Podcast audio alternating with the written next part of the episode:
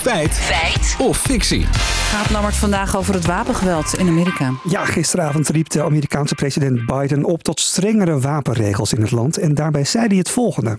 Over the last two decades, more school-age children have died from guns than on-duty police officers and active duty military combined. Maar het lijkt mij ontzettend veel. Ja, dat eh, leek mij ook. Maar ja, we hebben het natuurlijk wel over Amerika. Dus het zou zomaar echt kunnen kloppen dat er echt meer kinderen dood zijn geschoten dan politieagenten en eh, eh, soldaten.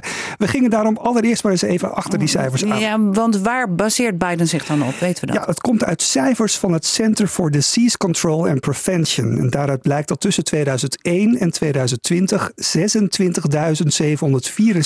kinderen tussen de 1 en 18 als gevolg van wapengerelateerd geweld zijn overleden. Zo. Tja, En, en had dat dan nog een bepaalde piek? ja, daar kan eh, Amerika-deskundige Frans Verhagen ons iets meer over vertellen. Nou, wat je kunt vaststellen is dat sinds 2004 het aantal mass shootings behoorlijk is toegenomen. En nog veel sterker tussen eh, na 2015 2016. En er zijn twee redenen voor. De eerste is eh, vanaf 2004 omdat er toen een wet afliep die halfautomatische wapens verbood. En daardoor zijn die wapens zijn weer vrij beschikbaar. En de tweede reden, die 2015 2016, waarom het toen is toegenomen, dat heeft te maken met de polarisatie en de komst van Trump. Hmm, en Gaat het alleen maar om geweld in, in die school shootings of gaat het om nog ander wapengeweld? Ja, dat weet Amerikaans geschiedkundige James Kennedy.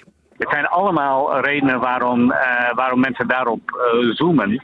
Eh, en dat, dus dat begrijp ik. Maar het, het is een kleine percentage van de totale aan, aantallen mensen die overlijden als gevolg van eh, schotwonden. En, en ook van moorden. Dus die 26.000 overleden kinderen waar je het over had, dit zijn wel allemaal om het leven gekomen door wapens, maar Ja. niet allemaal bij schietpartijen op scholen. Nee, inderdaad. En er blijft natuurlijk de vraag over hoeveel mensen er de afgelopen 20 jaar gestorven zijn in het leger en bij de politie in Amerika. In een studie van de Florida Atlantic University staat dat in 2017 bij elkaar 1144 politieagenten en militairen zijn gestorven ten opzichte van 2462 kinderen. Ik, ik blijf elke keer kippenvel krijgen van, Ja, van die cijfers. Dus, zoveel, dus, ja, dus dan zou het kloppen. Zeker, maar dat gaat dan over één specifiek jaar. En wij willen natuurlijk eh, het over de afgelopen 20 jaar weten, want daar had Biden het over. Volgens de Amerikaanse eh, website Officer Down Memorial Page, waar alle overleden politieagenten worden bijgehouden, zijn tussen 2001 en 2022 4429 agenten overleden in de line of duty, zoals het dan heet. En militairen? Ja, dat was een wat lastigere zoektocht vandaag. Uiteindelijk kwamen we uit bij het US Department of Defense. En zij geven aan dat er sinds 2001 5474 soldaten zijn omgekomen tijdens een gewapend conflict. Dus, dan Lammert, is de conclusie?